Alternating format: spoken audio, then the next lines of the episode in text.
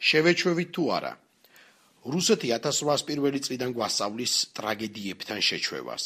ხდება ტრაგედია, ჩვენ საგონებელში ვარდებით. შემდეგ გადის დრო, ისევ ხდება ტრაგედია, ისევ საგონებელში ვარდებით. კიდევ ხდება ტრაგედია და უკვე ვეჩვევით. ვეჩვევით და ვეჩვეოდით. ან უნდა შევჩვეოდით, რადგან სხვა გზა არ გქონდა. სხვა გზა თუ იყო თითქოს არც ვიცოდით. მაგრამ ვიღაცა არ ეჩვეოდა.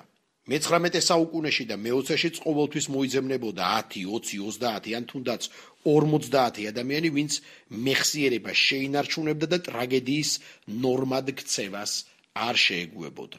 რუსეთი ბრძანებს, შეეჩვიე მორჩილებას, შეეჩვიე საფრთხის შეგრძნებას, შეეჩვიე შიშს, შეეჩვიე ქაოსს, შეეჩვიე სიკვდილს, შეეჩვიე მსახურებას, შეეჩვიე რომ იყო უტვინო, შეეჩვიე რომ იყო საწყალი, შეეჩვიე რომ იყო გამრთობი, შეეჩვიე რომ იყო ცანცარა და წრულმანებში მოუთმენელი, შეეჩვიე რომ იყო ჩუმი, შეეჩვიე რომ არავინ და არაფერი გინდოდეს რუსეთის გარდა. შეეჩვე რომ თვალთმაქცები ყოველთვის აგირებენ თავგზას. ასეთები ახლად საკმარისად გვყავს. კგბ-შნიკურ ფარისეულური შანტრაპა, ახლად გამოჩეკილი დემოგრაფები, ნაპტალინი ნეოსტალინელი დეპუტატები და ვითომ ჟურნალისტება ტრანსფორმირებული კრემლის პაწია იდეოლოგები, რომლებიც თქმულ უთქმელი ლოზუნგით ცდილობენ საბჭოთა კავშირზე ფატალურად შეჩეული ადამიანების მცირე ნაწილის დაბნევას. ევროპას იმძურია კრემლი სიწმინდე. შეეჩვიე ლაყე პროპაგანდას, შეეჩვიე ტყულს, შეეჩვიე ღირებულებების აღრევას, შეეჩვიე შავის და თეთრის ვერგარჩევას, შეეჩვიე დაბომბვებს, შეეჩვიე ომებს, შეეჩვიე მავთულ ხართების გაბმას, ღობების ჩადგმას და რუსეთის ტოქსიკურ გაბერვას. შეეჩვიე რომ ბანდიტები ქართულ კაცს მოკლავენ ხურჩაში. არ შეეჩვიე რომ სხვა ქვეყანა ხარ. შეეჩვე რომ დროის იმ აღქმიდან, იმ რეალობიდან, რომელშიც რუსეთი ცხოვრობს, თავს ვერასდროს დააღწევ. შეეჩვე რომ მუდმივად მოგიწევს გუშინ წინდელ ისტორიულ კოშმართან ერთად ცხოვრება.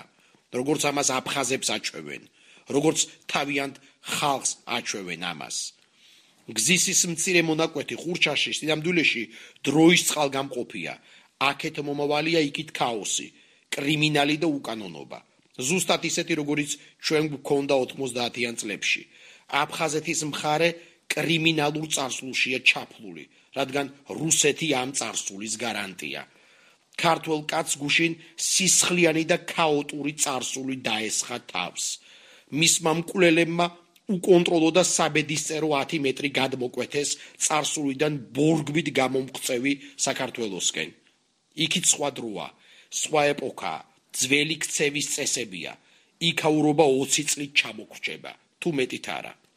ჩვენ რა უნდა ვქნათ? ომით ვერ მოვიგებთ. მოვიგებთ იმით, რაც ჩვენ გვაქვს მათგან განსხვავებით. თავისუფალი არჩევანის შესაძლებლობით.